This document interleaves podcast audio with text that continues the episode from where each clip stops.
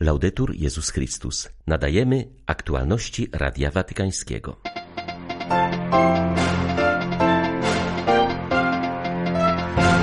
Praca rzemieślnicza zbliża do Boga Stwórcy, powiedział papież na spotkaniu z rzemieślnikami. W Watykanie zakończyła się dziś konferencja poświęcona formacji stałych kapłanów. Powiedzą o niej państwu przedstawiciele Kościoła w Polsce.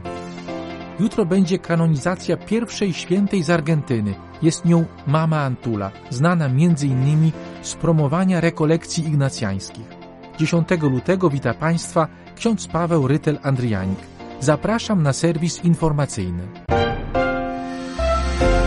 Również Jezus był rzemieślnikiem. W Ewangelii jest nazywany cieślą. Swego fachu nauczył się od świętego Józefa. Przez kilka lat żył wśród desek, dłut i narzędzi stolarskich. Mówił papież w przemówieniu do włoskiej Konfederacji Rzemieślników. Franciszek zwrócił uwagę na szczególny wkład, jaki wnoszą rzemieślnicy. Wasza praca zwiększa ludzką pomysłowość i kreatywność. Praca fizyczna sprawia, że rzemieślnik uczestniczy w stwórczym dziele Boga. Tworzenie to nie to samo, co produkowanie. Wnosi do gry zdolność twórczą, która może połączyć umiejętności rąk, pasję serca i ideę umysłu. Wasze ręce potrafią zrobić wiele rzeczy i przez to stajecie się współpracownikami Boga. Jak glina jest w rękach garncarza, tak wy jesteście w moich rękach, mówi Pan. Błogosławcie i dziękujcie Panu za dar waszych rąk i za pracę, którą dzięki nim możecie wykonywać. Wiemy, że nie wszyscy mają to szczęście. Są tacy, którzy siedzą bezczynnie, są bezrobotni i poszukują pracy. To wszystko są ludzkie sytuacje, które wymagają uzdrowienia.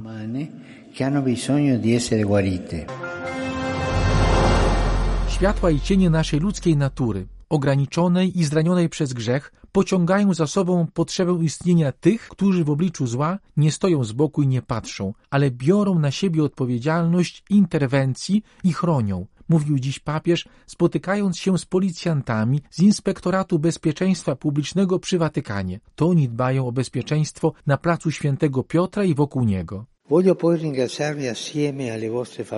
Chciałbym również podziękować Wam i Waszym rodzinom za dyspozycyjność i gotowość do adaptacji, aby zapewnić bezpieczeństwo moje i moich współpracowników podczas podróży po Rzymie i do innych włoskich miejscowości. W związku z tym często musicie sprostać dużym wyzwaniom logistycznym i działać w niewygodnych godzinach. Z serca Wam dziękuję. Wasza praca ma wiele aspektów. Polega na cierpliwej prewencji, czujności w terenie, terenie, zarządzaniu nieprzewidywalnymi i nieraz niebezpiecznymi sytuacjami, którym stawiacie czoła w sposób dyskretny. Wasza służba wymaga odwagi, taktu, opanowania, uwagi i zrozumienia dla potrzeb tych, którzy proszą o pomoc, a także tych, którzy zmuszają do interwencji poprzez różnego rodzaju problematyczne zachowania.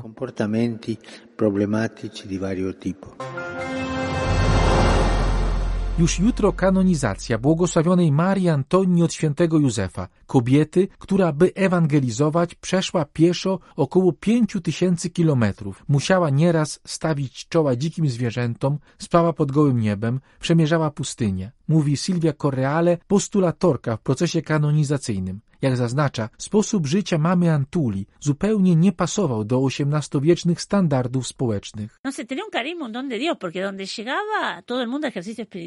Maria Antonia miała niezwykły charyzmat, bo gdziekolwiek przybyła, wszyscy odprawiali ćwiczenia. Nie wiem, jak to było możliwe, ale jej się to udawało. Założony przez nią dom rekolekcyjny w Buenos Aires, tak zwana Casa Santa, to płuco duchowe dla stołecznej archidiecezji w ogóle całej Argentyny. Przypomina nam, że Pan był obecny od samego początku naszej narodowej historii i o znaczeniu, jakie duchowość ignacjańska ma w budowaniu naszego kraju. W domu rekolekcyjnym mamy Antuli przebywał przez jakiś czas święty Jose Gabriel Brociero. Przyglądał się, jak działa tego typu placówka, by później założyć swój własny dom rekolekcyjny. Przypomnijmy, że dziś jest to patron księży w Argentynie. W Casa Santa rozeznawała swoje powołanie sługa Boża Camila de San Jose Rolón, późniejsza założycielka Zgromadzenia Zakonnego. Tutaj też przez 30 lat żyła Maria Benedetta Arias, fundatorka innego zakonu i dziś również sługa Boża. Tak więc zawsze było to centrum wielkiej duchowości, nie tylko dla archidiecezji Buenos Aires, ale także dla całej Argentyny. Para, no solo para la Buenos Aires, sino también para la Argentina. Siostry uczennice boskiego mistrza świętowały na Jasnej Górze stulecie powstania zgromadzenia założonego przez błogosławionego księdza Jakuba Alberionego. Wiele sióstr modlitwą i różnorakimi posługami, przykład w zakrystii, sekretariacie kustosza czy Radiu Jasna Góra, złączyło swoje życie z częstochowskim sanktuarium. Źródłem i centrum zakonnego życia oraz misji uczennic boskiego mistrza jest Eucharystia, prowadzenie ludzi do Jezusa Eucharystycznego, a wyrazem tego apostolstwa jest adoracja Najświętszego Sakramentu, podejmowana szczególnie z intencją za kapłanów i ludzi tworzących środki społecznego przekazu. Siostry troszczą się też o piękno liturgii w różnych jej wymiarach. Zostałyśmy, jak to widać teraz, prorocko powołane przez naszego założyciela do szczególnej modlitwy za świat mediów, zauważa siostra Damaris Suchenia, przełożona prowincji polskiej, uczennic boskiego mistrza. Kiedy widzimy te trudy związane właśnie z mediami, gdzie tak wiele kłamstwa i niepokoju sieje się poprzez media, a można by było zupełnie inaczej, to w to wpisuje się nasz charyzmat, a jest on właśnie taki, modlitwy wstawienniczej za media, za tych wszystkich ludzi, którzy którzy pracują w środkach społecznego przekazu, którzy je odbierają, korzystają z mediów. Od 1 lutego 1972 roku uczennice boskiego mistrza posługują na Jasnej Górze. Siostra Maria Agnieszka w jasnogórskiej zakrystii z przerwami jest tu od pierwszych dni. Staramy się, abyśmy my były świadectwem tej miłości Maryi, bo Maryja się posługuje nami, ona chce się nami posługiwać. Obecnie na świecie posługuje około 1200 uczennic boskiego mistrza, najwięcej w Azji i Ameryce Południowej. W Polsce jest ich około 80, w Warszawie, Lublinie, Olsztynie i Częstochowie. Dla Radia Watykańskiego Mirosława Szymusik, Biuro Prasowe Jasna Góra News. Trzeźwość polską racją stanu to hasło rozpoczynającego się jutro 57 tygodnia modlitw o trzeźwość narodu. Ten czas ma nam uświadomić potrzebę modlitwy i troski o trzeźwość, a także wartość abstynencji. Trzeźwy człowiek to wolny człowiek, przekonuje biskup Tadeusz Bronakowski. Na trzeźwości cały naród zyskuje gospodarczo, zyskuje finansowo, zdrowotnie, moralnie i duchowo. Nietrzeźwość powoduje ogromne cierpienia, prowadzi do rozpadu małżeństw, do rozpadu rodzin oraz do wielkich kosztów społecznych. Walka z uzależnieniami to nie tylko korzyść duchowa. Każda dawka alkoholu wiąże się z ryzykiem dla zdrowia, przestrzega doktor habilitowany Krzysztof Wojcieszek, członek zespołu Konferencji Episkopatu Polski do spraw apostolstwa, trzeźwości i osób uzależnionych. Od 6 do 11% wszystkich nowotworów ma źródło tylko w alkoholu, a jeszcze na dodatek, jak się to sprzęgnie z paleniem, to prawie 80%. W wyjściu z nałogu pomagają m.in. instytucje kościelne, podkreśla ojciec Dawid Napiwocki, dyrektor Ośrodka Apostolstwa Trzeźwości w Zakroczymiu. Nasza praca przede wszystkim polega na takim też duchowym towarzyszeniu i przywracaniu poczucia godności, wartości człowieka. Naszym takim fundamentem, którym się zajmujemy, jest to, co mówił Jezus. My to tłumaczymy w języku polskim nawracajcie się, znaczy zmieniajcie myślenie. Dla Radia Watykańskiego Dorota Boraten, Radio Via, Forum Niezależnych Rozgłośni Katolickich. Misją sióstr Matki Bożej Dobrej Pomocy jest naprawdę wziąć ludzkie ciało w ramiona i zaoferować mu wszelką opiekę, jakiej potrzebuje, aby odzyskać godność, ale także uhonorować tę świątynię, którą ono stanowi mówi siostra Aurélie Olochery w przeddzień Światowego Dnia Chorego. Dzieli się ona z Vatican News swoim doświadczeniem życia poświęconego pomocy osobom z różnymi problemami zdrowotnymi. Czułam się przyciągana do Boga. Z drugiej strony miałam wiele uprzedzeń co do życia zakonnego i zakonnic, które dotychczas spotkałam i uważałam je za raczej stare, niezbyt na czasie, krótko mówiąc niezbyt przyciągające.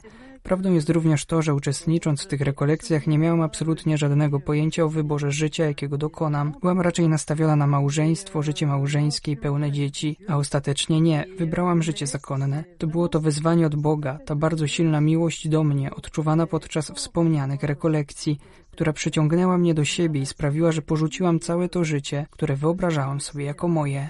toute cette vie que j'imaginais euh, être pour moi. W Watykanie zakończyła się międzynarodowa konferencja poświęcona formacji stałej kapłanów. Uczestniczyli w niej również przedstawiciele Kościoła w Polsce, którzy podzielili się z państwem swymi doświadczeniami. W konferencji uczestniczyło tysiąc księży i wychowawców seminaryjnych z 60 krajów świata. Jak podkreśla prymas Polski arcybiskup Wojciech Polak, takie spotkanie to wyjątkowa okazja, by zobaczyć jak kościoły w innych krajach pomagają kapłanom w ich codziennym życiu i posłudze. Przede wszystkim wracamy ubogaceni doświadczeniem spotkania, które miało wymiar międzynarodowy. Troska o kapłanów, o życie i posługę kapłanów jest troską, którą dzielimy wszyscy pod każdą szerokością geograficzną i pierwsze nasze spojrzenie to nie tyle y, teoria i spotkanie z tym, w jaki sposób zaradzać tym potrzebom stałej formacji, ale przede wszystkim właśnie wymiana doświadczeń, wysłuchanie siebie nawzajem, zobaczenie, jakie są w innych częściach świata nie tyle problemy. Problemy może są podobne w wielu sytuacjach, ale w jaki sposób ta troska o stałą formację kapłanów jest realizowana. I to myślę jest pierwsze nasze doświadczenie. Takim ważnym doświadczeniem, które też tutaj na tym spotkaniu wybrzmiało, to jest biskup Damian Bryl, ordynariusz kaliski. Żeby tę pomoc podejmować w szerszych wspólnotach, nie tylko diecezjalnych. Słyszeliśmy od wielu uczestników, że wiele inicjatyw dzieje się na poziomie narodowym. I trochę także z tą myślą wracamy, że często jakiejś diecezji może nie mieć możliwości tak szerokiej pomocy, więc chcielibyśmy też pójść w tą stronę, pomagając kapłanom właśnie tak e, szerzej, głębiej na poziomie naszego kraju. W wielu tych głosach, które słyszeliśmy, czy to chociażby z Brazylii, czy z innych miejsc, arcybiskup Wojciech Polak. Ukazywano grupy formatorów, takie grupy formacyjne, które podejmują bardziej systemową pracę i to są grupy złożone zarówno z osób duchownych, jak i świeckich, specjalistów w różnych dziedzinach, ale przede wszystkim także zdolnych do tego, żeby tworzyć też tą sieć takiej pomocy dla naszych braci kapłanów. I myślę, że to jest istotne doświadczenie, że możemy to robić nie w pojedynkę, ale właśnie razem. Razem jako Kościół i razem też jako konkretni ludzie w tej rzeczywistości, których do tej współpracy będziemy zapraszać. Tematem Watykańskiego Kongresu była formacja stała kapłanów, jak zauważa ksiądz Sławomir Sosnowski, rektor Seminarium Duchownego w Łodzi. Takie podejście do towarzyszenia kapłanom w rzeczywistości jest czymś nowym, co nadal musi być wprowadzane w życie. Ja patrzę z takiej historycznej perspektywy, bo już mam 40 lat kapłaństwa ze sobą, więc kiedyś, jak ja byłem klerykiem, to to było takie oczywiste. Kończy się formacja, wchodzisz teraz jako ksiądz w życie. Teraz jest praca. Najpierw się uformowali, a teraz będziesz oddawał to, co... Natomiast y, dzisiaj no, dużo się mówi i właśnie jak słyszeliśmy tutaj, w całym świecie ta kwestia formacji stałej jest oczywista. Formacja się nigdy nie skończy. Formacja jest y, rzeczywistością całożyciową. Biskup Damian Bryl. Nie myślimy w kategoriach jest seminarium, i potem coś jeszcze, tylko widzimy konkretnego kapłana, który zanim przyszedł do seminarium już coś ważnego przeżył w swoim życiu wiary. Seminarium chce to uszanować, chce go wprowadzić do posługi kapłańskiej, ale też wprowadzić w doświadczenie rozwoju, które ma trwać całe jego życie. Czyli już od samego początku w seminarium mówimy o towarzyszeniu całożyciowym, nie tylko do święceń. Były to aktualności Radia Watykańskiego. Laudetur Jezus Chrystus.